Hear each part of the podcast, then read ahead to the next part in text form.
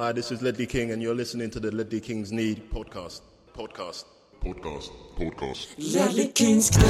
Konsekvent, inkonsekvent Ledley Kings knä. Det bästa som någonsin hänt Ledley Kings knä. Du kommer aldrig bli dig själv igen min vän Ledley Kings knä. Här flödar hybrisen Ledley Kings knä. När vi poddar på aldrig bli dig själv igen min vän Du lyssnar på Ledley Kings knä, föreningen för oss som inte vill se Harry Kane slå frisparkar. Robin heter jag och eh, i det här avsnittet så ska vi prata om Tottenham senaste vecka. Vi ska prata om eh, fotbollen i stort. Vi ska beröra vår stora, starka, alltid lika trygga arbetsmoral, framförallt i poddlägret.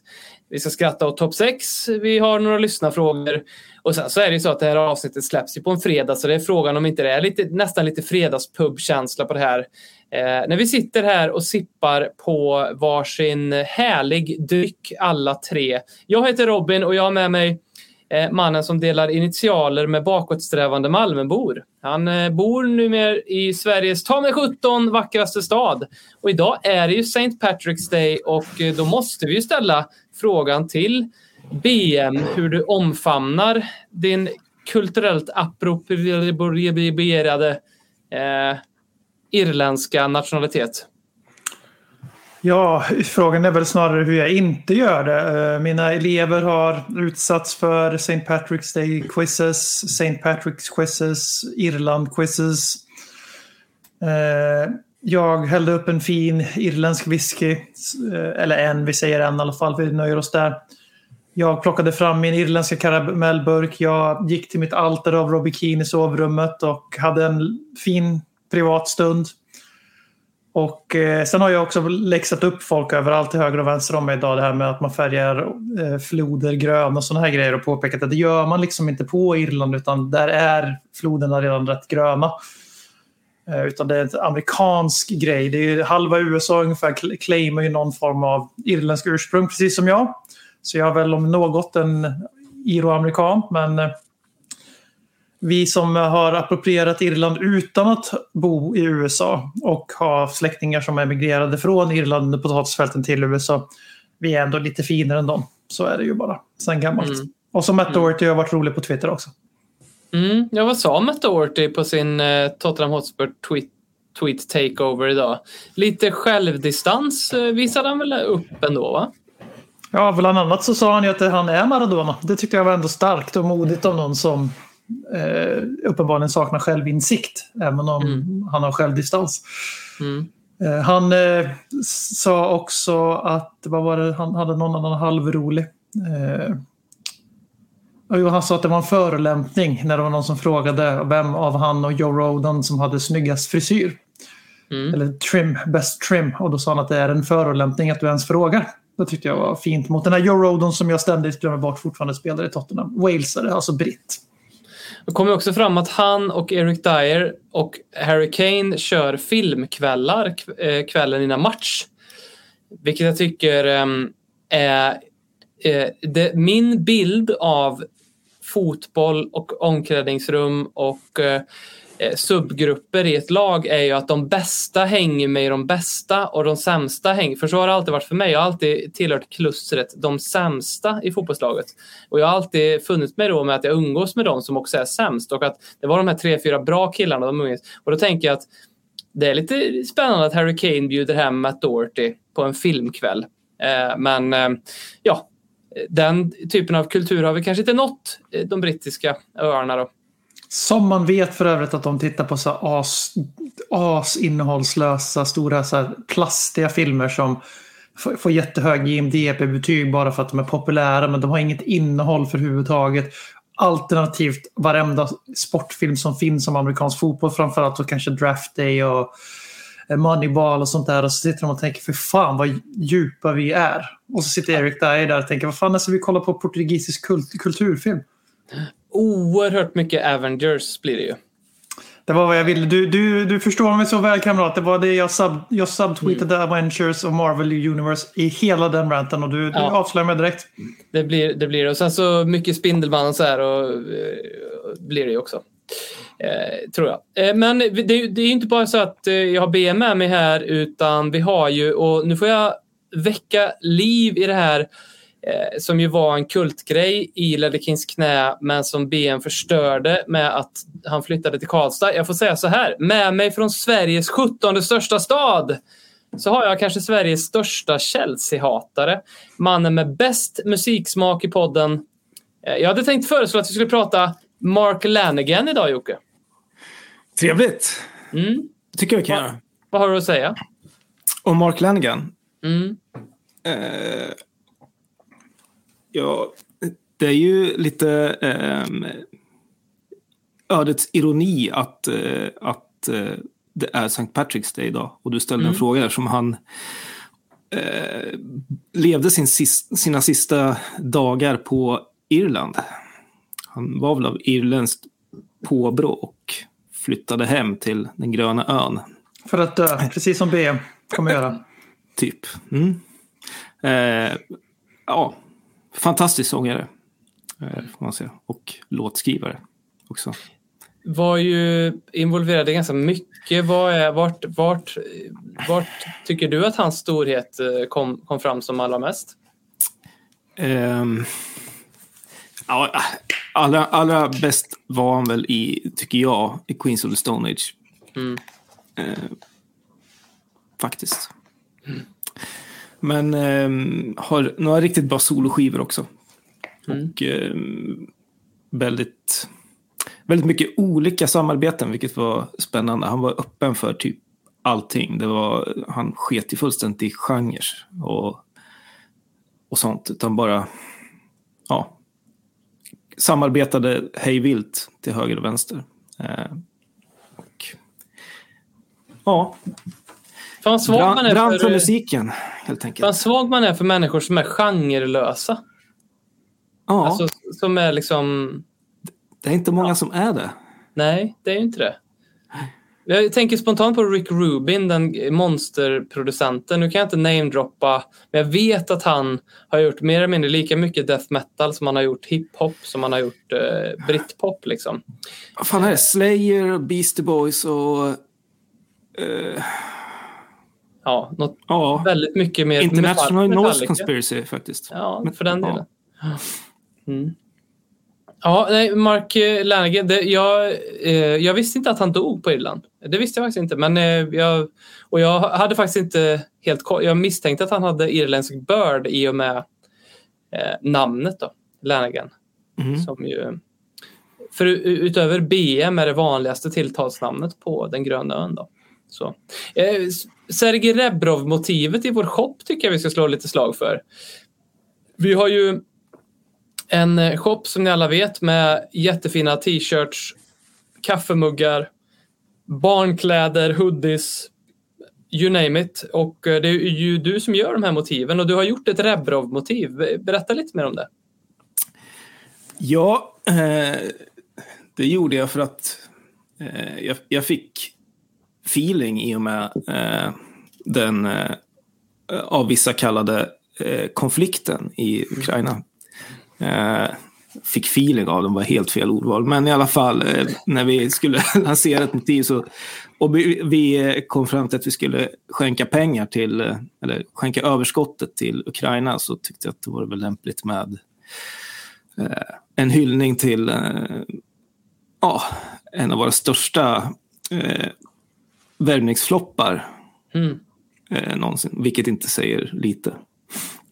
Eh, Nej. ja.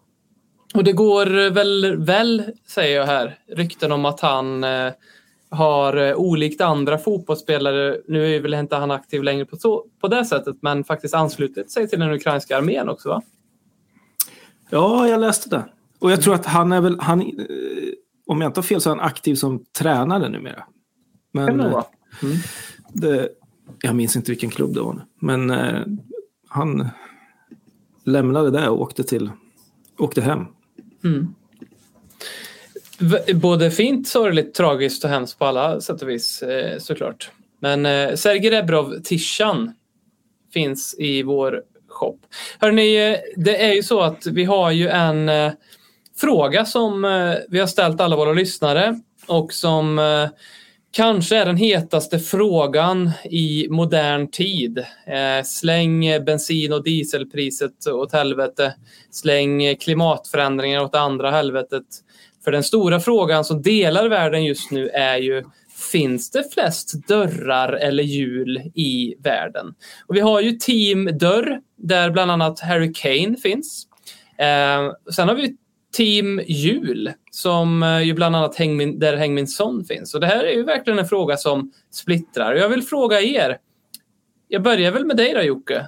Finns det flest dörrar eller finns det flest hjul i världen? Jag kommit fram till att det finns flest hjul i världen.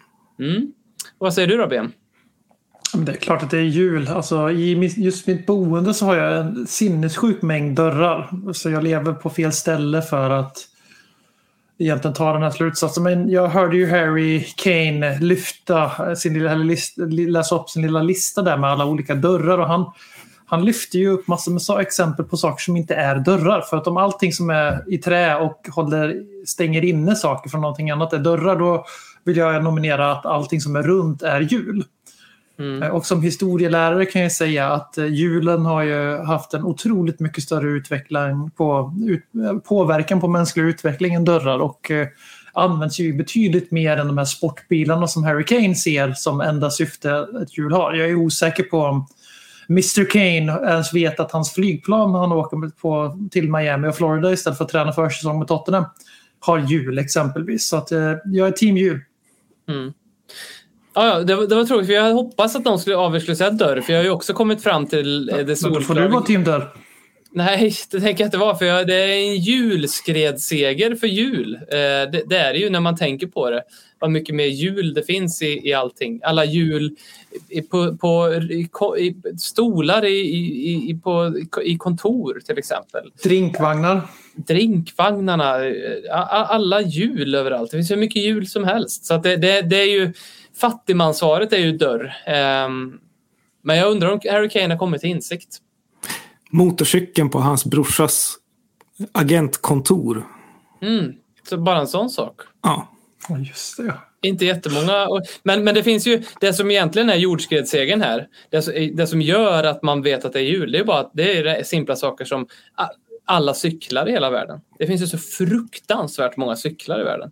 Eh, och på, på noll cyklar i världen, kanske på någon när någon har fått någon jävla, någon har varit pappaledig och har eh, väldigt mycket energi och, och borde vara med sitt barn mer och byggt en jävla grej till sin cykel med någon jävla dörr på. Men annars så finns det ju liksom inga dörrar på en cykel.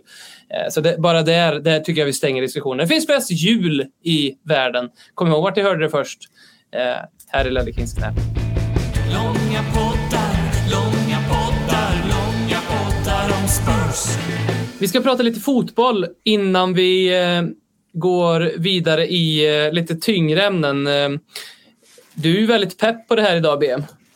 Ja, varför inte menar jag. Vi har ju spelat fotbollsmatcher eh, mot en våldtäktsman, eh, förlorat och blivit förnedrad av en våldtäktsman och eh, sen sett våra Champions League-drömmar dö igen för tolfte gången i ordningen 2022. Vi vill ju, gillar ju det här nu att vinna en match, förlora en match. Och så självklart så sitter vi här dagen efter en färsk Victoria och nu räknar vi bara ner dagarna tills att vi förlorar igen då, mot West Ham på söndag. Så att eh, peppen är hög. Mm, förstår det. Vad, eh, om, vi, om vi börjar med att att summera de här två senaste insatserna. Då, en 3-2 förlust på Old Trafford och en ja, men rutinseger får man väl ändå kalla det eh, mot Brighton. Oerhört eh, ja, men en sån här dussinmatch på den standardmatch på något vis. Det var liksom ingenting med den matchen som, förutom att Romero gör mål och att Kulusevski gör det ytterligare på annars är det liksom så här en match man, jag kommer att ha helt glömt för, eh, om en vecka. Så där. Vad sticker ut? Vad skulle du säga Jocke, vad, vad sticker ut eh, från de här två matcherna? Vad tänker du på sett till det Tottenham du ser? Hur vi presterar med mera. Det första jag tänker på, att det som sticker ut är att det var en dussinmatch. Jag kan inte ens minnas när vi hade en sån senast. Det är ju allt, liksom, känns som att det var evigheter sedan vi hade en sån. Det har antingen varit svindåligt eller ja, med ja, väldigt eh, få tillfällen skitbra. Eh, så att det var uppfriskande på något sätt. Eh, annars så var, alltså egentligen var väl United-matchen en bättre insats. Eh, tycker jag. Ehm, och den... ehm, det, här har väl, liksom, det har väl sagts överallt, men jag tycker vi förtjänade mer än, än ingenting där. Eh, minst en poäng. Sen var det väl kanske en del av Ralfs matchplan att vi skulle få vara det bättre laget och liksom, eh, ja, äga matchen. Eh, och det funkade ju. Mm.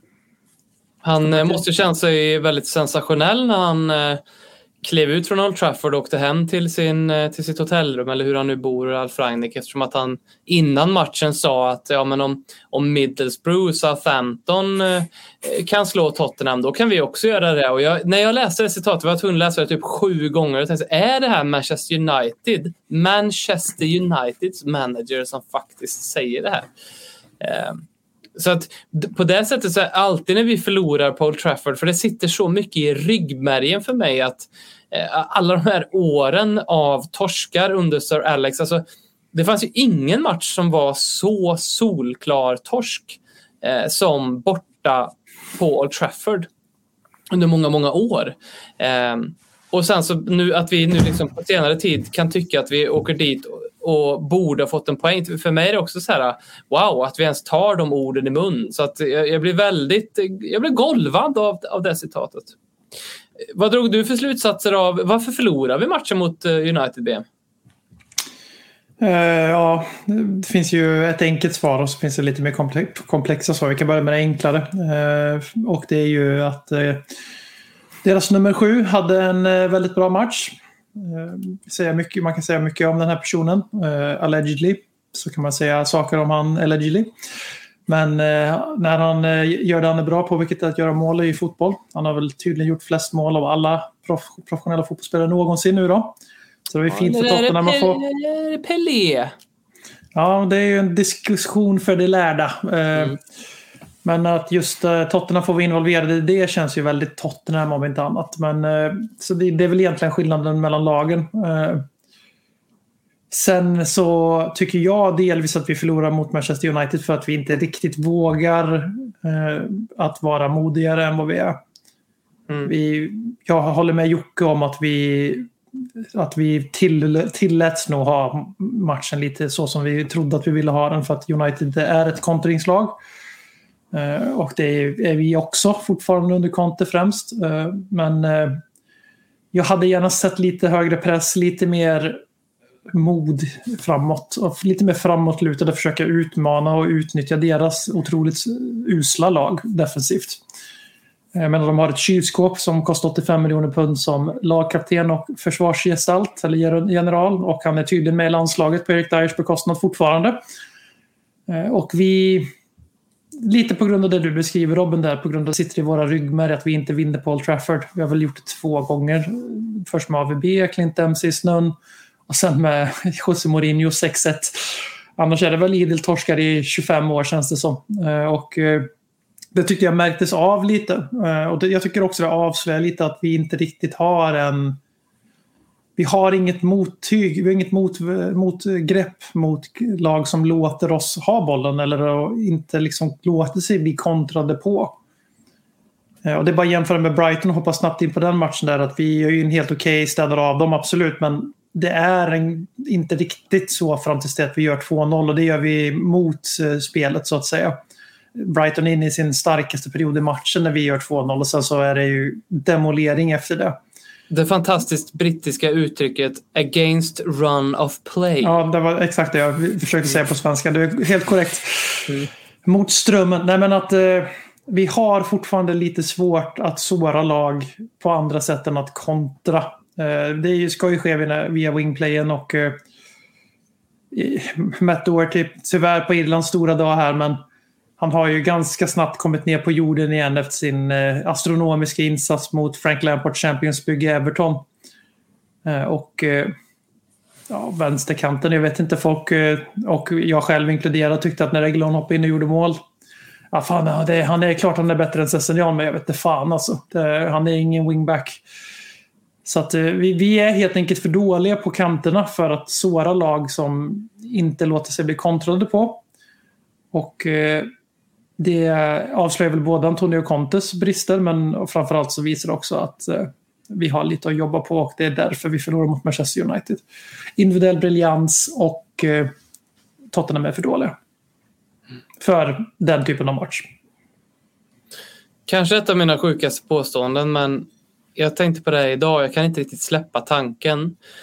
Sen gillar jag att eh, säga lite små kontroversiella saker, men jag försöker sålla bort dem som jag bara vill säga bara för att vara kontroversiell. Så att det här Allegedly. säger jag Allegedly. Så att det här säger jag delvis för att jag gillar att vara kontroversiell, men också för att jag tycker att det finns lite sanning i det. Men Harry Maguire hade fan passat i vårt lag alltså. Han hade, han, han hade passat i en 3-5-2. Det är därför han blir uttagen i, av Gareth Southgate i Englands landslag. För att de spelar 3-5-2. Och det är den enda backuppsättningen han kan komma undan i om inte han spelar i ett Leicester som ligger eh, jättelågt och försvarar med en duktig Kasper Schmeichel bakom sig. Nu är inte David de Gea kattskit heller, men, men eh, en, en Romero, Maguire och en Dyer. Fan vad sjukt att det rimmar också. Eh, inte för att det spelar någon roll. Det hade funkat. Jag är helt allvarlig nu. Eh, Harry Maguire är inte dålig mittback, men han, han bara liksom passar ju inte i United. Problemet med honom och Van Bissaka och typ alla de har köpt senaste åren är prislapparna. Så är det ju. Det är inte en dålig fotbollsspelare egentligen, men kostar man 85 miljoner pund då ska man ju värderas efter det. Liksom. det, är ju, och det, det är där kritiken egentligen kommer ifrån. Och nu har det hamnat i en situation som det har gjort med många Tottenham-spelare också senaste åren. att han, det har blivit så giftigt kring honom på grund av prislapp så det spelar liksom ingen roll. Det, det är dött lopp precis som det var för en Dombele och Lo Chelsea i Tottenham. De kunde aldrig återhämta sig. Det spelar ingen roll för att de kostar för mycket och det har gått för lång tid. De har varit då- dåliga för länge och underpresterat för länge. Eh, Jag tror också att han är bättre än trebackslinje men eh, jag har ju väldigt svårt att se att han skulle peta Dyer eller Romero och då skulle han behöva spela på Davis plats. Eh, Och kan, du Det- tänka dig, kan du tänka dig Maguire behöva spela på fel fot? Men det är inte, in, absolut inte helt genomtänkt från min sida. Men, det är, men eh, i en trebackslinje i, i Spurs så hade jag, jag hade välkomnat han. Men om vi, om vi stannar i trebackslinjen, eh, Jocke, så eh, Romero. Från klarhet till klarhet till ännu mer klarhet, eller? Från kort till kort. Ja, det var faktiskt det jag skulle svara. Typ. Ja, men absolut, han... Eh, han har ju landat otroligt bra i klubben. Liksom. Gått, han är ju självklar som... Eh, ja, kanske inte som ledare i backlinjen, men i alla fall liksom som ledarfigur och som klarast lysande stjärna i den där backlinjen. Och, eh, det är ingen tvekan om att han är våran, våran försvarsjätte och våran bästa back. Eh, egentligen så är väl hans enda svaghet att han är så pass oslipad och eh, ibland överdrivet aggressiv. Eh, för att de här varningarna kommer ju börja bli ett problem. Eh, och de blir ganska snabbt ett problem om man blir varnad typ varje match. Eh, nu är han väl, eh, står han på åtta nu. Det är helt otroligt. Det är, åtta gula kort är ju... Ja, Alltså, Han har alltså, spelat 16 Premier League-matcher och han blev avstängd med två gula. Han är alltså avstängd efter vi har mött eh, West Ham och eh, vilka vi nu har första matchen efter landslagsuppehållet. Då- Då kommer han ju vara avstängd. ja. Eh, och då missar han väl eh, Liverpool och, och Arsenal ska vi se. perfekt. ja. Men det ja det, finns... är, det är inte så att man går in mot West Ham och eh, spelar säkert och håller igen. Liksom. Eh, det såg vi ju sist han mötte West Ham. det var ju där han presenterade sig för publiken. Mm, Men alltså det finns ändå någonting med Romero som... Ehm, för jag har tänkt på det där att, att det är ett problem, men, men samtidigt så får jag lite Delia Lee-vibbar av det. Att det känns lite som... För jag kommer så väl ihåg första gången jag såg Dele Alli i Tottenham-tröja. Jag tror att en av de absolut första grejerna han gjorde var att så här, eh, ho, eh, i, i ett North London Derby, om jag minns det rätt, så här, eh, nästan stämpla en spelare Eh, stenhårt på handen som satt ner, men precis råka eh, missa med en centimeter. Liksom. Man tänkte den där killen är ju inte klok någonstans. Och sen var det ju jättemycket med Dali Ali där i början. Man såg liksom att han brusade upp, han bröstade upp sig så här 18 bast eller hur gammal han var eller ännu yngre eh, i Premier League. Liksom. Mot vem som helst och han, man såg alla fulknep han gjorde. Liksom. Och det är lite samma vibb jag får av Romero och som får mig att inse att så här, det kanske är en del av hans spel lite grann. Att han är den där. Tar man bort det här från hans spel så tar man bort kanske lite för mycket. För det finns ju så här, man kan, vissa saker eh, står ju för sig själva som till exempel hans, hans teknik och hans passningsfot. Det är ju liksom, det är ju fantastiskt att ha det i backlinjen. Alltså, Offensiva ha... instinkter också. Han rör sig ju offensivt. Han gör ja. inte bara mål för att han blir skjuten i arslet utan han, han rör sig ju medvetet offensivt liksom, i löpningar och diagonaler. Och det är, ju, det är i och för sig kontosystem ganska mycket men det är ju, för oss är det ju som Tottenham-supportrar främmande. Vi hade Fertongen och Alderweireld, en treback med Davison Sanchez. De var väldigt sällan på att tog djupledslöpningar i offensiv box. Mm. Det närmsta vi kan relatera till är ju Gary Doherty bara för att han var mittback men också fick spela på topp ibland. Det... Hård liknelse för QT. Ja. Nej men eh, den delen, så att jag är, liksom, jag är lite så här lite rädd att det ska börja slipas på Romeros aggressivitet och att det kommer medföra att han tappar väldigt mycket av det som gör honom till en sån, ja men vad ska man säga, nästan unik mittback. Alltså för han är ju liksom, vi har ju aldrig, jag har aldrig sett en sån här mittback i Spurs i alla fall. Jag vet inte vem jag skulle jämföra honom med. Han är ju, han känns, som, han känns modern på något vis. Fast samtidigt Sergio inte. Sergio Ramos. Ja, sista åren i Real Madrid. Då han började få, för han var mer fasta situationer, specialist och så. Men eh, just det här eh, intelligent C-word eh, lynnet tycker jag. Det, det, är den första som kommer i huvudet. Sen är, det, är de väl kanske inte spelmässigt skitlika. Men just det där liksom hur man spelar eh, defensiv fotboll. Men eh, jag tror också att du är inne på någonting här. Men att eh, det han kommer behöva slipa bort är ju inte att vara aggressiv. Det är att han behöver bli lite smartare och lite mindre ja. tydlig. Han har ju åkt på två gula nu som blir liksom memes. För att de är så jävla roliga. Den på Rikarlison som var uppenbarligen pre premeditated som han la upp den på sin Instagram efteråt. Eh, men han har en likadan mot Brighton. Där liksom, han märker att han kommer in fel som fan. Och istället för att dra ur situationen för att försöka undvika ett gult kort som de flesta försvarare gör, som domaren redan har liksom blåst frispark i stort sett då passar han på att ge, smälla på extra hårt för att han vet kanske att han kommer bara bli varnad. Mm. Men om man kollar, man kollar på dem i slowmo, det är ju inte helt jättelångt ifrån direkt rött för det är väldigt, väldigt våldsamt. Mm. Och det är väl det han måste slipa bort. För han kommer ju snart få ett rykte. Han kommer bli så kortgaranti som Lamela blev i Tottenham. Det spelar ingen roll vad han gjorde, han åkte alltid på ett kort. Mm. Eh, oftast ja. ganska välförtjänt. jag tror, tror precis som ni, jag tror att han behöver det för att vara så bra som han är. Men jag tänker lite, nu slänger jag ur mig en sån här som din Maguire-grej. Jag kanske inte mm. har tänkt klart, utan det är roligt att säga det. Mm. Jag tänker så här, det är fan bättre att han slipar bort korten för så här, bara fult, tufft spel. Och sen får han ta kort för shithousery. Alltså typ gå fram och knuffa ner någon. Eller gå och tjafsa och liksom bara vara riktigt svinig.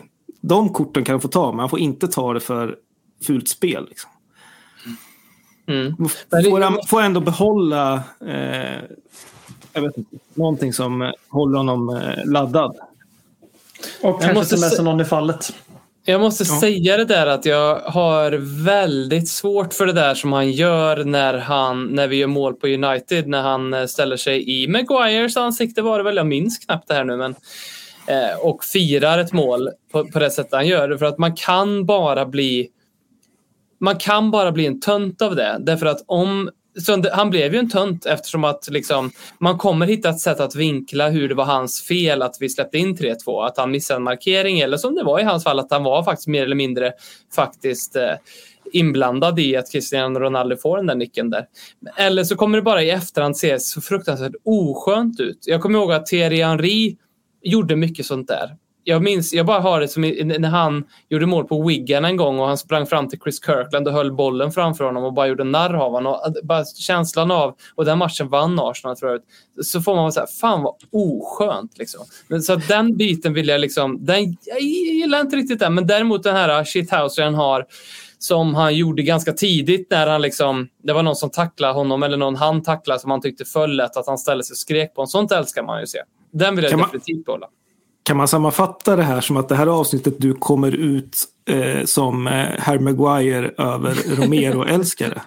Ja, eller hur? Jag tänkte säga det. Du är sur för att han gick på din gubbe. Det- Jag tänkte säga, vad står det britt i passet eller står det svensk? Liksom? Det här är ju väldigt genomskinligt. eh, På Irlands dag så sitter den brittiska imperialisten här. Nej, men det är klart att vi, vi är ju naiva om vi inte fattar att Harry Maguire har gjort någonting liknande tidigare i matchen utan att eh, det har snappats upp på kamerorna. Eh, för det var otroligt riktat. Eh, självklart var det en replik på någonting. Mm. Eh, och sen är det ju, så hade vi vunnit med 3-2 och Romero hade nickat in en hörna istället, då hade han ju blivit en ikon. Och nästa gång vi åker till Old Trafford kommer han bli utbuad hela matchen.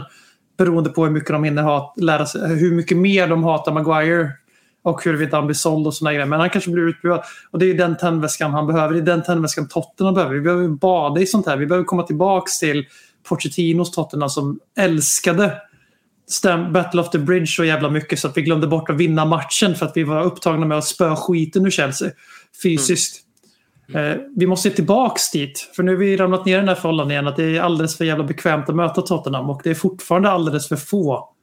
Eh, för det, det där är ju en vinnarskalle. Sen är det ju självklart ett oskönt beteende och jag hade blivit vansinnig om det skedde mot Tottenham men vi är ju självutnämnda hycklare i den här podden så att eh, mer sånt här. Mer. Hoppas han gör något exakt likadant mot eh, West Ham i helgen. Ja, alltså, ja. Ja. Ja. Eh, ja, ja. Nej, inte så länge, så länge inte Harry Maguire skadats. Nej, nej jag skojar. Men eh, på tal om eh, från en Harry till en annan. Eh, vi har ju en, ehm, för att dra en liten... Följ med mig nu, håll mig i handen nu på den här liknelsen. När jag såg Snabba Cash, första filmen, så slogs jag av hur bra Joel Kinnaman var på bortamatcher. För det var ju det han byggde hela sin grej på den där karaktären JV som han väl heter i den filmen. Att han liksom bor i en liten sunkig studentlägenhet eh, men vill ge sken av att han eh, har föräldrar som har en eh, sexrummare på Östermalm eller något sånt där. Och så på, och det gör ju att han alltid får liksom sova borta eh, hos tjejer, aldrig kan ta med sig tjejer hem. Joel Kinnaman som för, för övrigt är Spurs-supporter, bara en sån sak. Ehm, och någon som är ja, minst lika bra som Givi då, karaktären i Jens Lapidus eh, Snabba Cash-serie, är ju Harry Kane. Han är ju fantastisk på bortamatcher. Han har ju ett... Där, där föll polletten ner vad jag försökte göra för liknelse. Eh, 39 mål på bortaplan. Eh, och alltså... Ja, jag har ingen annan fråga än hur jävla bra är Harry Kane egentligen? 39? Nu blandar jag ihop siffrorna. va? Var det inte typ 94? Ja, det är klart det är. Jag- tänkte på, jag tänkte på vi pratade 37. Snabba jag, cash.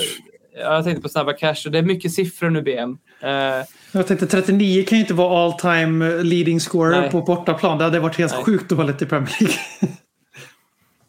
eh, nej, nej, det, det, det, skit i siffran. Eh, fokusera på frågan. Hur bra är Harry Kane? Ska jag googla samtidigt hur många mål det var? Alltså jag blir så här, det här säger väl någonting om min sinnesstämning just nu, och min frustration i fotbollsvärlden och allt det där. Men det första jag tänkte på när jag såg det där var Fan vad lite mål han gör på hemmaplan i jämförelse. Så kom jag på lite logiskt tänkande senare att ah, fast just det, vi spelar ju lika mycket hemma som borta. Liksom. Det kanske inte är så jävla konstigt att man gör lite fler mål på, på, på ena sidan. Och sen så inser jag också att han har nog gjort fler hemmamål än bortamål. Men det bara kändes som att det var så stor grej. Eh, Så det var min 95 första var det ju mycket riktigt. Mm, 95 var det mycket riktigt. Eh, Så min första tanke var faktiskt, fan vad han, varför gör han inte lika mycket på hemmaplan? Och sen så inser jag att det var förmodligen, det stämde nog inte riktigt helt. Så att, eh, men han är ju sjukt bra. Sen han bestämde sig för att han tillhörde Tottenham fortfarande. Och han eh, blev påtänd av Antonio Contes projekt eh, som varar till juni som det verkar. Så har han ju varit eh, precis lika bra som han var förra säsongen och kanske ännu bättre eftersom man inte har sån som drar lasset lika mycket som förra säsongen. Och en riktigt nyttig påminnelse om att det här är Premier Leagues bästa spelare tillsammans med De Bruyne och Mohamed Salah. Och det är väl jävligt tråkigt att det inte började i augusti för då hade vi varit med och slagit som tredje, vi hade legat trea i Premier League då är jag rätt säker på. Men eh, nu är han samtidigt enda hoppet på fjärdeplatsen så att eh, det är vad det är. Men jag hoppas att han kommer ihåg det i sommar sen när eh, vi inte blir fyra. Att han är otroligt medskyldig till att vi inte blir fyra som att han inte dök upp för 2022 börjar i stort sett. Jävligt imponerande ändå den här listan. Eh, fem engelsmän för övrigt, vilket är ju sällan man ser i så här äh, Premier League-stats. Det ju, för det första har ju aldrig en brittisk eller en engelsk manager vunnit Premier League, men när man tittar på top away goals i Premier League så har Harry Kane gjort 95 mål.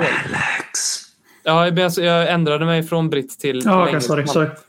Men nu är det fem eh, engelsmän som eh, Harry Kane, Wayne Rooney, Alan Shearer, Frank Lampard och Andy Cole som, har, som är topp fem på mest gjorda bortamål då, som är i, i Premier League. Och eh, det som är så sjukt jävla imponerande eh, är ju att Harry Kane då alltså har gjort 95 mål på 139 matcher medan det tog Wayne Rooney 243, alltså drygt 100 Alltså 100 mer matcher, det är tre säsonger mer eller mindre. Eh, för att komma upp i, i samma bortom. Alltså, alltså, snart är ju diskussionen löjlig i vem som är den bästa anfallaren i Premier Leagues historia. Den är ju liksom obefintlig snart, tycker jag. Alltså det är ju så här, du, du kan ju inte... Visst att Wayne Rooney titlar allt det där, men, men det, den här, när man får den här statistiken i ansiktet så är det ju bara så här, ja, vad, vad, vad, kan, man, vad kan man säga? Ja. Nej, men Wayne Rooney hade ju några år där han var eh, alltså, förmodligen kanske världens bästa spelare. Messi, Ronaldo, Rooney. Det brukade ju faktiskt vara Messi, Ronaldo, Rooney. Mm. Sen föll han ju av ganska markant från den ex- extrema höga nivån. Sen så återfann han ju sig själv och hade en väldigt fin och bra karriär efter det också. Men han föll ju av den här yttersta eliten. Och ska vi vara riktigt ärliga så har Harry Kane aldrig varit uppe på den absolut sista hyllan av fotbollsspelare. Men de senaste åren har han ju varit en av världens bästa nior. Och man är ju, man är ju liksom så här pajigt, låtsas rolig på Twitter om man säger någonting annat. Eh, De som kastar upp Benzema och Lewandowski och allt det där bara för att de är bättre än Kane och det är så jävla självklart. Lalala. Det är bara skitsnack. Alltså det är klart som fan att de är på samma hylla. Det säger jag inte emot. Eh, Det, det är världens tre bästa nior. Eh, Och förmodligen är Kane trea just nu. Förra säsongen var han det inte. Men liksom man kan, som vi är inne på ganska ofta i den här podden, man kan inte både göra narr av Tottenham och samtidigt förminska Harry Kane. Det, det går liksom inte. Ni, får, ni måste erkänna en av dem. Antingen är vi så jävla bra så att Pochettino floppade i Tottenham så att inte vi vann någonting på grund av honom.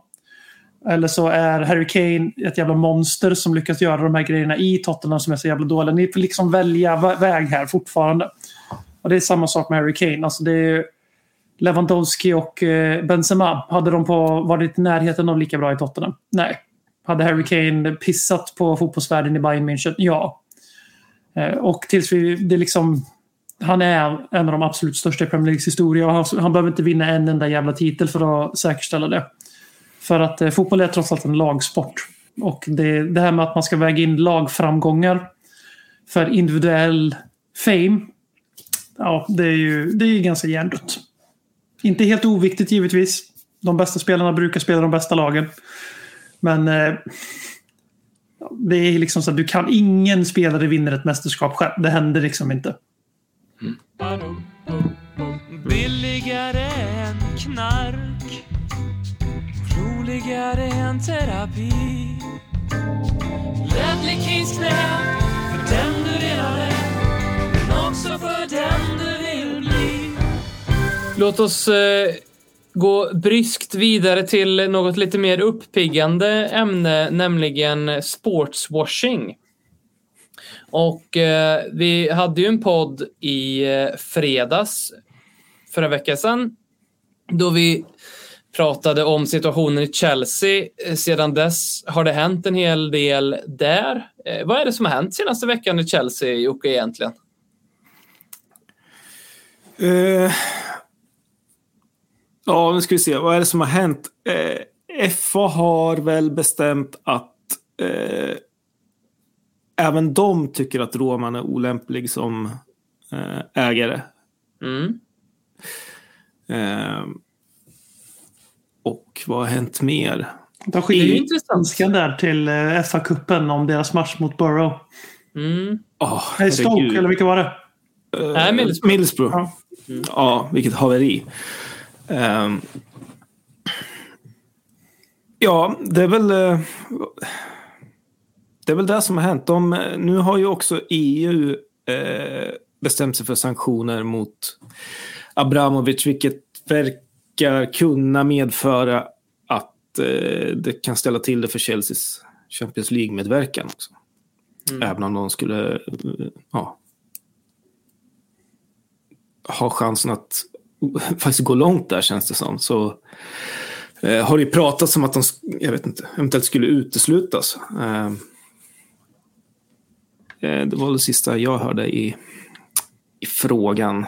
Och sen eh, brittiska regeringen har ju också bemött eh, Chelseas krav på att man vill eh, att matchen mot Middlesbrough i FA-cupen skulle spela bakom stängda dörrar, vilket är så... Alltså när jag läste det, jag vet Alltså, inte det- riktigt vad jag skulle tro. Det är, först, så, först så blir de väldigt upprörda över att deras egna fans och att de själva drabbas så hårt av Romans sanktioner. Och sen så vill de då alltså att nej men då ska, om, om inte våra fans får gå på match, då ska inte Middlesbroughs fans heller få gå. Och man bara, va? Vi, vi, och, och i samma mening, i samma mening så vädjar de om sportslig integritet. Det är så dumt som man undrar så här, jag börjar nästan tycka synd om dem för man säga, men ni kan inte vara så dumma, eller?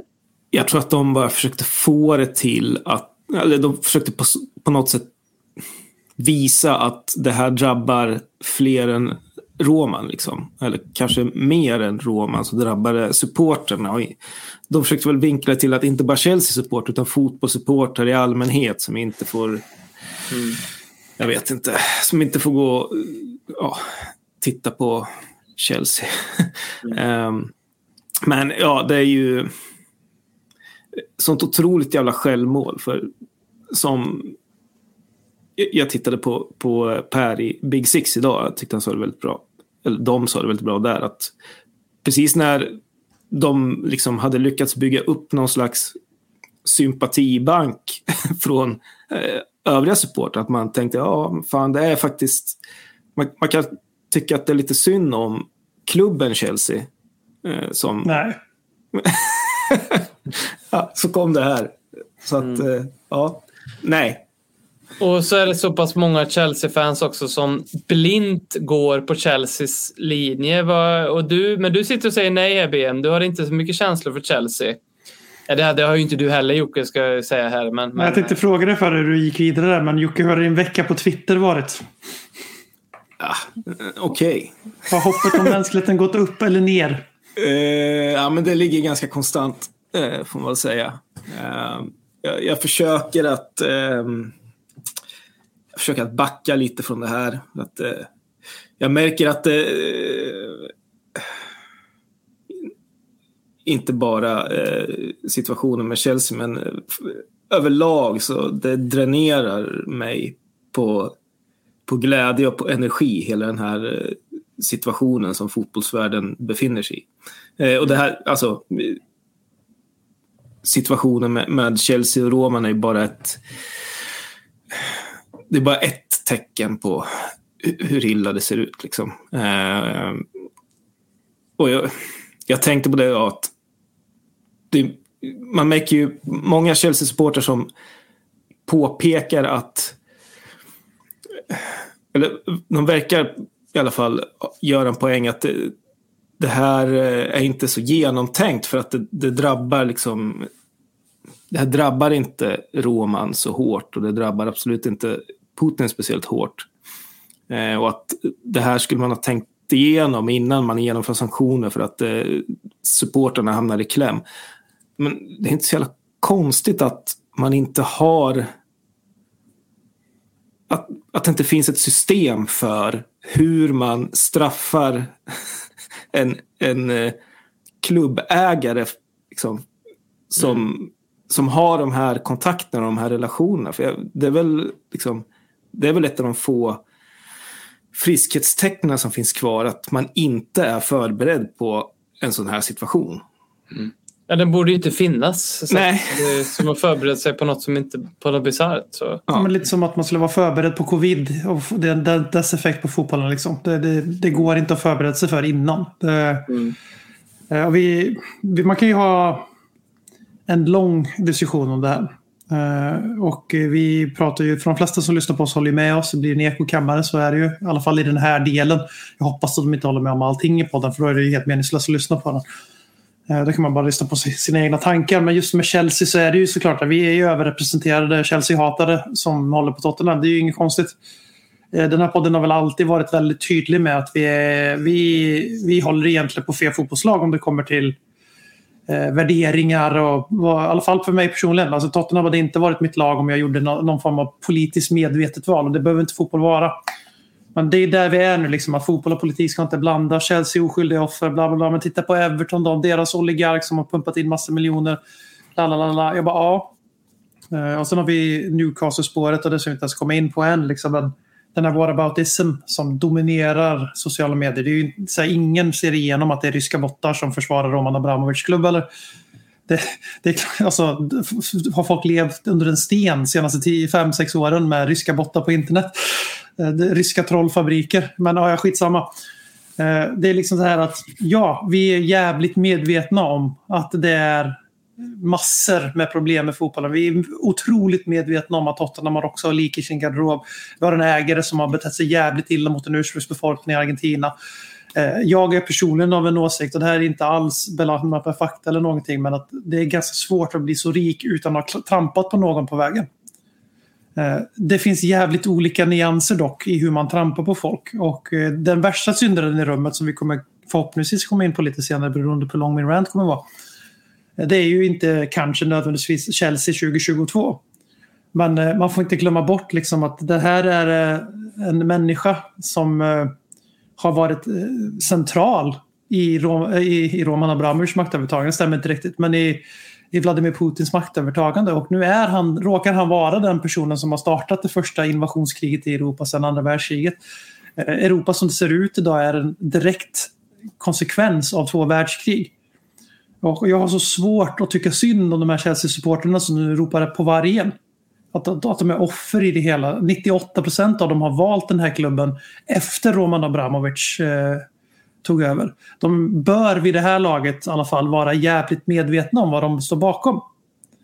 Och om man inte vill Eh, blanda ihop de här sakerna. Jag, ni vet ju redan, jag tycker fotboll och politik är en och samma. Det, om det är något bevis jag har fått så är det väl just att man sanktionerar en klubbägare på grund av hans politiska roll i ett land.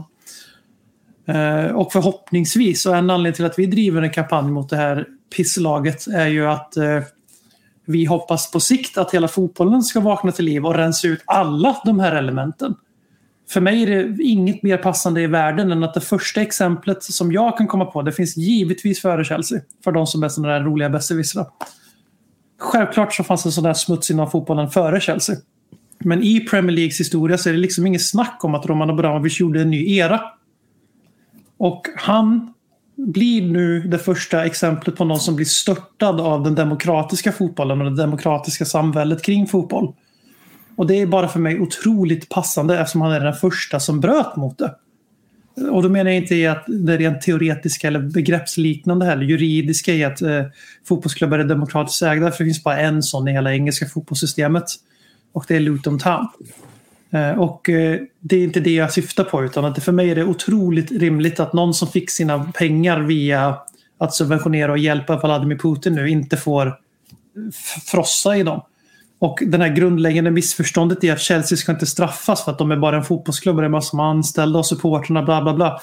Fast det stämmer ju inte för att ni går inte ens runt utan honom. Utan Abramovic så finns inte Chelsea. Det är en och en halv miljard pund, eller ännu mer, jag kommer inte ihåg nu. F nej, 1500 miljarder pund eller? Eller vad fan summan är. Det är en och en halv miljard. Som är, de inte har utan honom. Som han skriver av. I en, det finns liksom ett regelverk för sådana här saker. Och det, och liksom då sitter så här, varför ska vi straffas för? Ja, men det är klart som fan ni ska straffas för att era pengar är, är ju Roman Abramovics pengar. Och förstår man inte det själv, då vet jag, det kan inte hjälpa dig tyvärr.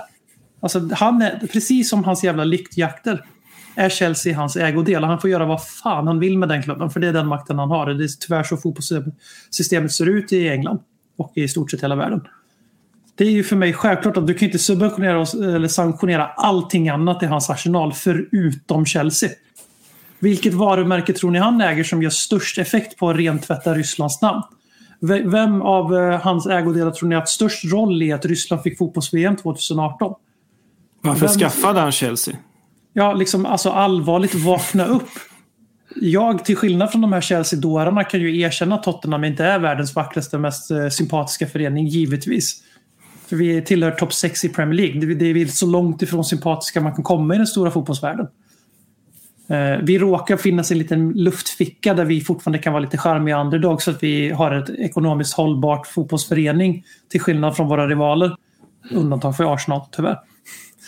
Men det är inte liksom det kortet vi försöker spela. Vi leker inte vita riddare för att Tottenham är så jävla mycket finare. Vi bara kan konstatera att Chelsea är, är skräp, det är en cancer på fotbollen. De var först med det, de ska bort och sen ska PSG bort. Sen ska City bort, sen ska framförallt Newcastle bort.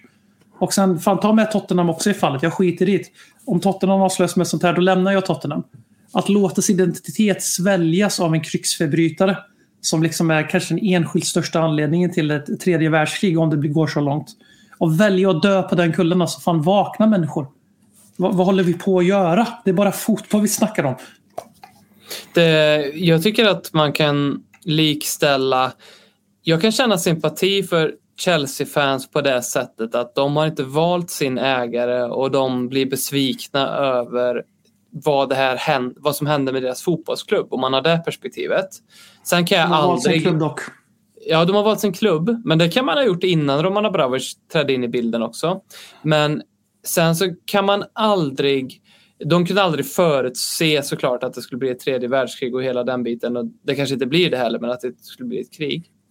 Eh, men sen så kan jag inte riktigt förstå de Chelsea-fansen som faktiskt också börjar ta det här alltså liksom ett steg till. Att eh, Eh, ja, men vi borde faktiskt inte sanktioneras. Det är Premier League och FA och brittiska eh, regeringen som är ute efter oss. Då är man, då är man långt nere på Kremls eh, då går man Kremls ärenden ganska långt tycker jag. Liksom. Och jag tycker man kan likställa det här med de medarbetarna på, på ryska företag eller på företag i Ryssland nu som, som blir av med sina jobb eller som står inför en oviss ekonomisk framtid. Jag tycker skitsynd om de enskilda personerna. Men det är jättenödvändigt att det här händer. Och det är precis samma sätt som jag ser det på för Chelsea. Så min vädjan till Chelsea-fansen är liksom så här jättetråkigt för er att det här sker, men ni måste se det stora perspektivet Se längre än er själva, ja precis. Ja, ni måste se att det här händer. Det är jättetragiskt för er och hoppas, och det, det, det kan jag verkligen skriva under alla dagar i veckan på, för jag hoppas att det löser sig bra för Chelsea. Jag hoppas att de förlorar alla jävla matcher mot Tottenham, att de åker ur Premier League och att det går piss, men jag hoppas att de får en hållbar ägare. Någon annan gubbe med framgångsmag och vitt hår och som känner bara massa snubbar i styrelserum och sådana saker. Men som inte håller på med krig och skit och mutor och mord och som inte sitter där framför allt för, i, i ett enda syfte egentligen. Vilket är liksom att förändra en, en regim som bild, i, tvätta en regimsbild i, i, i, i Europa. För det är, ju, det är ju av samma anledning som Amanda Stavely nu gör det hon gör i Newcastle. Det är inte för att hon helt plötsligt, åh vad kul att driva en fotbollsklubb. Hon sitter där för att tvätta Saudiarabien och det är det som är problemet. Sen så kan det finnas idioter som köper fotbollsklubbar och som driver fotbollsklubbar. Men låt dem vara idioter då. Precis som det kan finnas idioter som äger privata, för, eller privata företag, men företag i andra branscher som, som man kan vara anställd i. Men de är i alla fall inte där för att tvätta eller rentvå en regim eller relativisera eller normalisera en regim. De är där för att de, de vill göra något med sina pengar eller de tro, har en idé de tror på om att driva en fotbollsklubb. Det skulle vara så skönt att liksom, komma till punkten när man bara man kan ogilla Chelsea bara för det som sker på planen. Ja. Det är det, det jag begär. Och övriga klubbar också. Eh, och inte liksom efter vilken skurkstat som äger dem och vad de eh, håller på med. Ja, det är också därför när det kom ut det här. Eh, jag vet inte hur mycket, hur mycket rimlighet det fanns i det. Liksom, men det kom ut någon rykte i veckan att någon saudisk köpare var, hade lagt bud på Chelsea. Eh, och då var det journalisten som skrev det. Skrev, han har inga direkta kopplingar till eh, Saudi, den saudiska staten. För att i andra tweeten i sin tråd säga att däremot är han typ tjenis eh, eller sitter i styrelsen för den här grejen som är samma fond som eh, Piff som äger Saudiarabien. Och man bara, driver ni eller? För, jag, för, jag, de, för det du beskriver Robin är att deflektera. Alltså det här whataboutism. Och jag tycker att man gör rätt som pekar på Premier League. För det är ja, jag kan förstå att man som sekteristisk, man går i försvar för det som är vi, vi och dem. Det är så vi människor funkar tyvärr. Det är det vi försöker sitta och skrika om på Twitter och gjort en vecka. Se förbi vi och dem och tänk på vi som alla i hela världen istället för Ja. vi Chelsea-supportrar och de alla andra supportrar. För det är större än så just nu. Men det är ju det här också då att Premier League sanktionerar Roman Abramovic samma säsong som de låter en, och vi ska inte jämföra, men så vi ser ett, en till sportswashing-front. Eh, som, eh, har, som inte är, alltså Roman Abramovic är mycket, men han är inte Vladimir Putin själv. Det är ju PIF då i stort sett i Saudiarabien. Eh, och det är så här liksom, jag förstår att man reagerar på den skenheligheten. Och, men då är det så här, de gör ju det bara för att Chelsea ska slippa undan. Medan alltså, vi attackerar och alla andra som tycker som vi gör i den här frågan. Vi attackerar ju systemet för vi vill ju ta bort systemet. Vi vill ju ersätta systemet med någonting annat. Som Jocke sa på en mening, det jag försöker säga med 25 minuter känslomässig vrede. Är ju att jag vill tillbaka till en fotboll där man kan hata varandra på grund av fotboll. Och inte på grund av, man ska inte sitta och säga saker som jag hatar Arsenal för jag är Tottenham-supporter. Jag hatar Chelsea för jag är människa och menar det.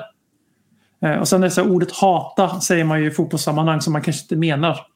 Eh, Man har fått lite perspektiv de senaste åren på vad hata och älska faktiskt är för något. Ja, det där är väldigt viktigt. Det vill jag ha fört i prot- protokollet eftersom jag har blivit eh, eh, benämnd som Chelsea-hatare här. Det, ja, eh, man får sätta det i kontext här. Ja. Eh, Men just det här att jag ogillar Chelsea extremt mycket. Arsenal känner jag typ ingen ogillande alls. Jag är bara irriterad sportsligt på att de går bättre än oss för att jag tycker inte att de är så jävla imponerande. Det är liksom så fotboll ska vara.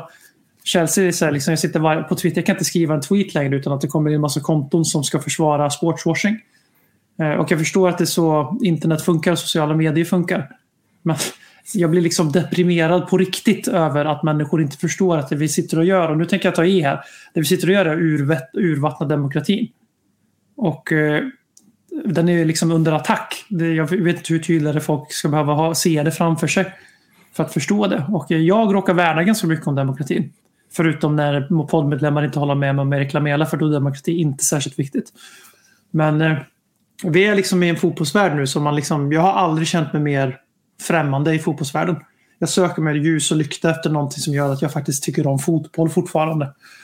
Eh, och eh, det är ju inte Premier League längre, så kan man ju säga. Det har gått fort den här säsongen.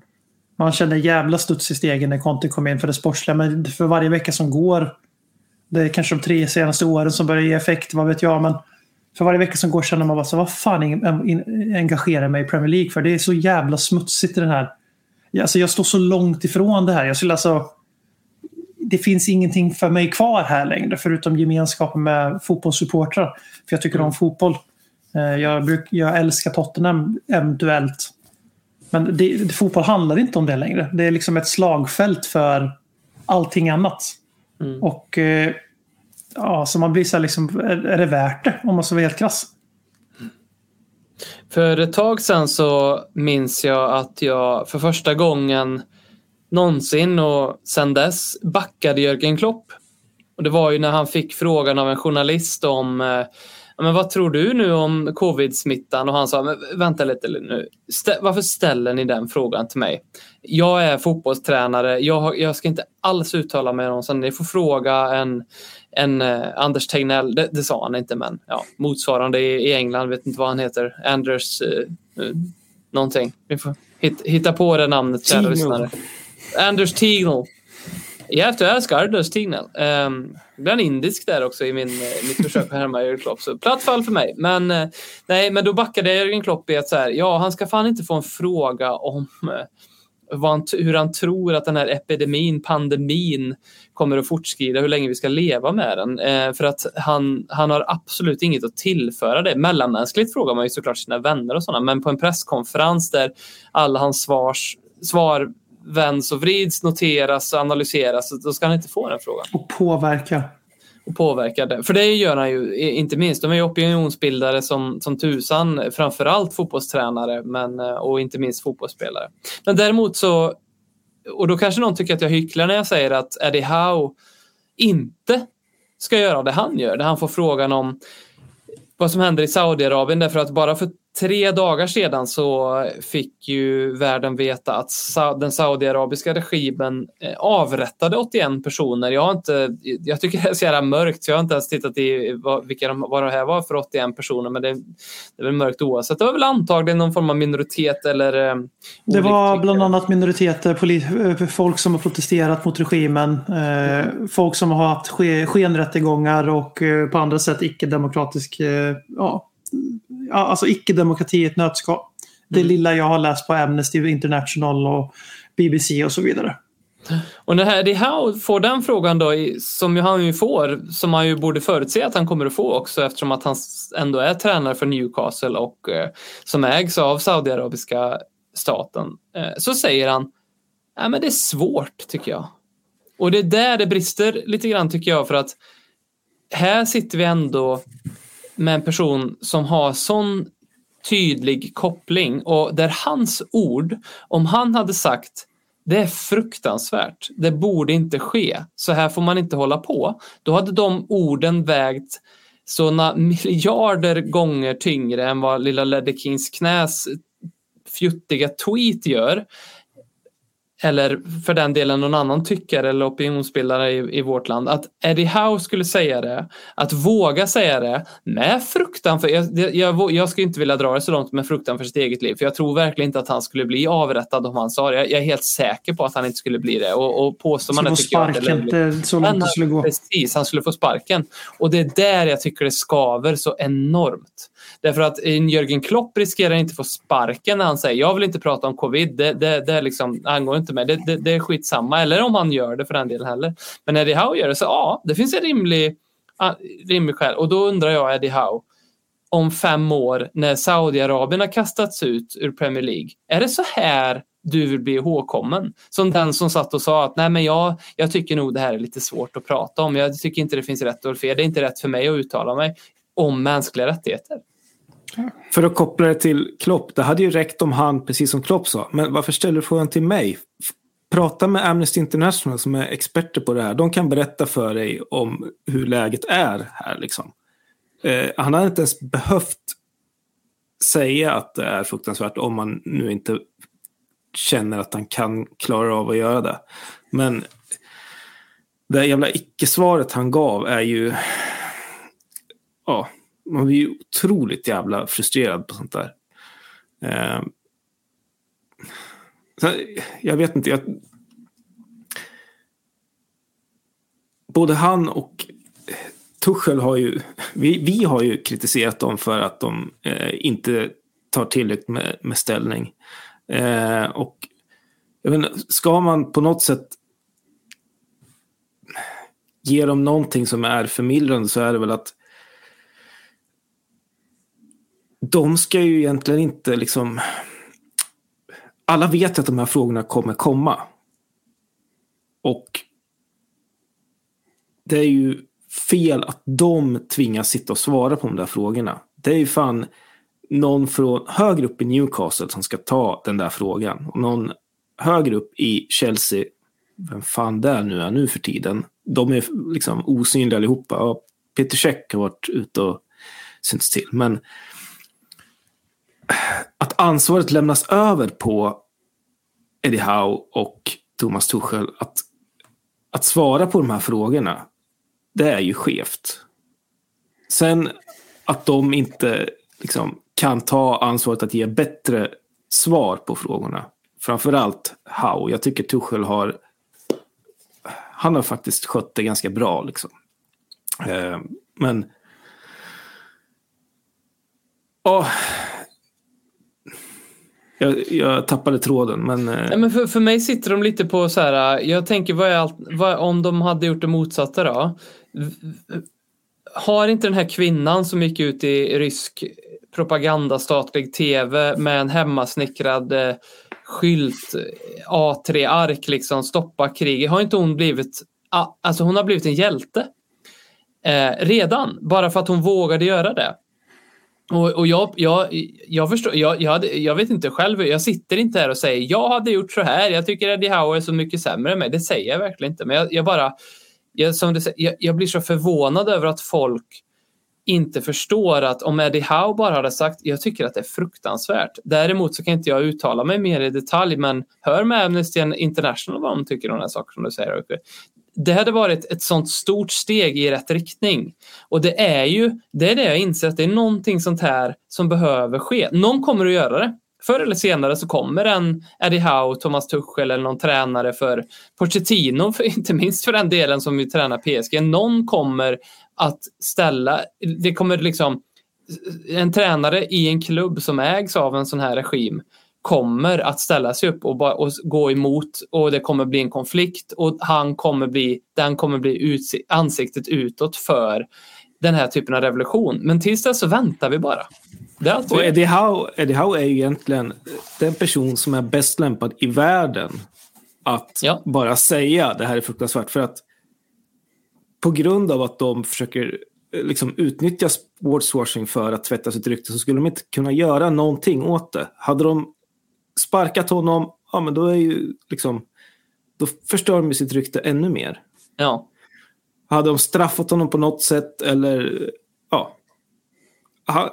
Det finns ingen som är så skyddad som han är i den här situationen. Eh, när, när det kommer till att kritisera dem. För att på samma sätt, så, alltså, det är inte de som har honom by the balls. Det är ju tvärtom. Han är ju, han syns ju. Han Och det- belyser ju hela situationen. Och det är stor skillnad på, tycker jag, i hans fall, om han hade varit anställd av Newcastle innan ett uppköp.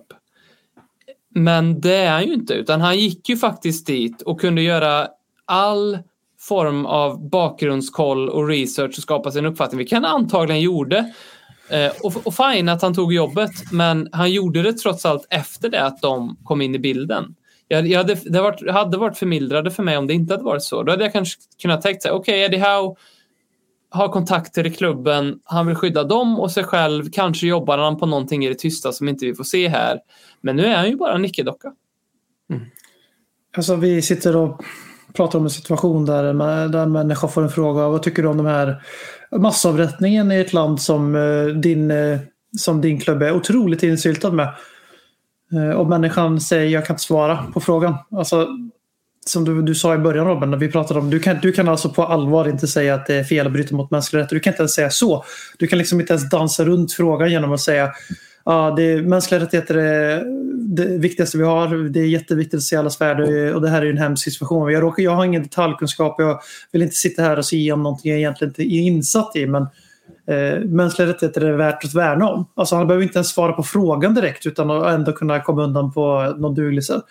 Eh, Liksom, Eddie Howe tappar ju allt för, all, all, all form av respekt för, för det, där- det där icke-svaret där. Eh, På grund av alla anledningar säger men i grund och botten det är inte så, vi ska inte sitta och överhypotisera det här. Alltså människan fick en fråga om brott mot mänskliga rättigheter är fel eller inte och han sa ingenting. Det, alltså det, det, vi är där i fotbollen 2022. Vi har folk som försvarar honom för att han inte sa något. Alltså på allvar försvarar. Han ska inte behöva uttala sig. Nej, för vi, vi människor har bara rättigheter. Eller vi bor i demokratier så vi har bara rättigheter. Vi har ingen skyldighet whatsoever att försvara demokratin eller, eh, eller göra något. Utan vi, vi får bara göra vad vi vill och så ska vi skyddas av demokratin när det passar. Så funkar världen tydligen. Alltså man blir mörkrädd. Mm. Jag hatar Newcastle också by the way, ifall någon undrar. Jag är inte objektiv och ja, jag hycklar. Tack. Varsågod. Eh, ska vi avsluta med att lyfta stämningen med kort eh, skratt åt topp 6 eller? Let's laugh at the top six. They are really shit.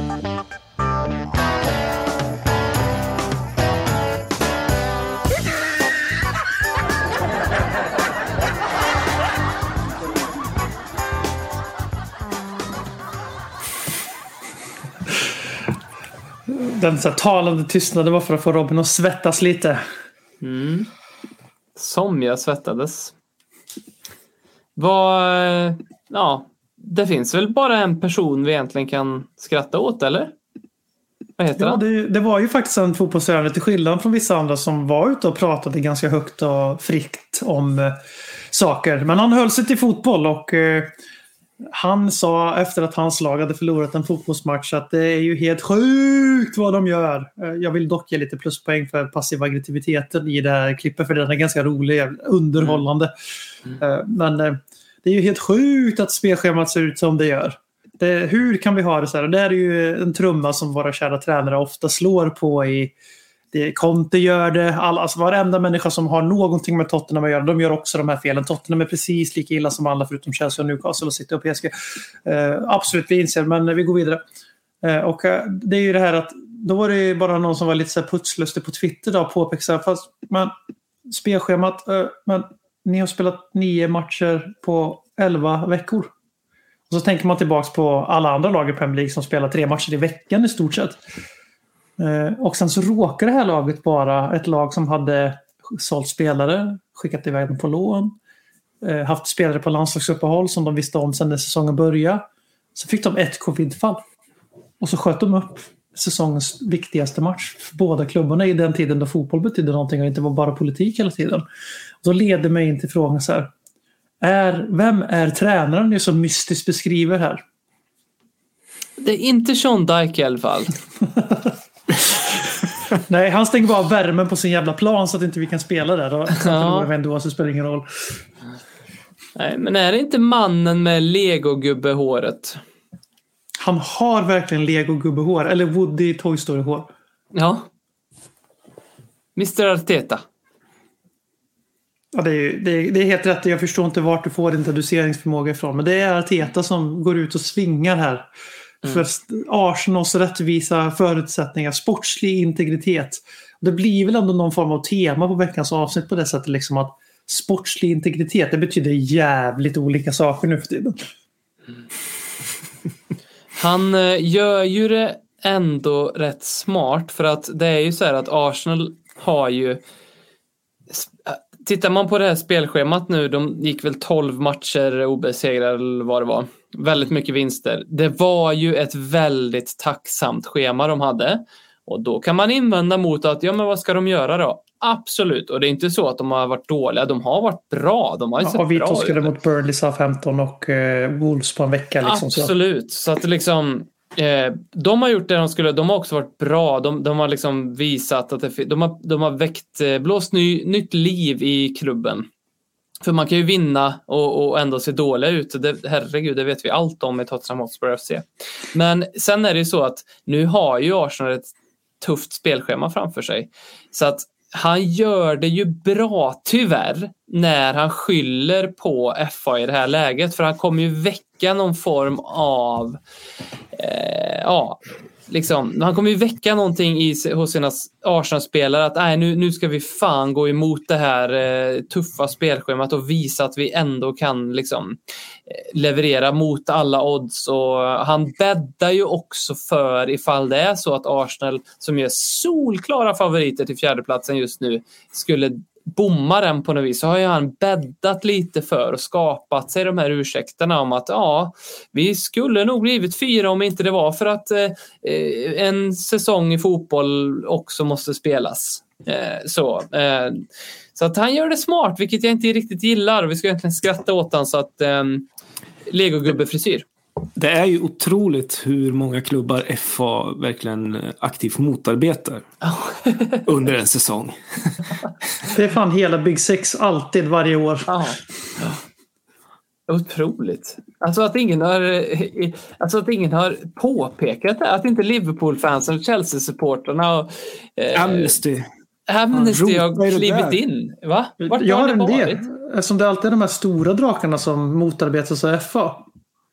Fan, ska inte de bryta sig ut och bilda en helt egen liga så de kan sätta skåpet på sin plats och liksom visa så här driver man en fotbollsliga.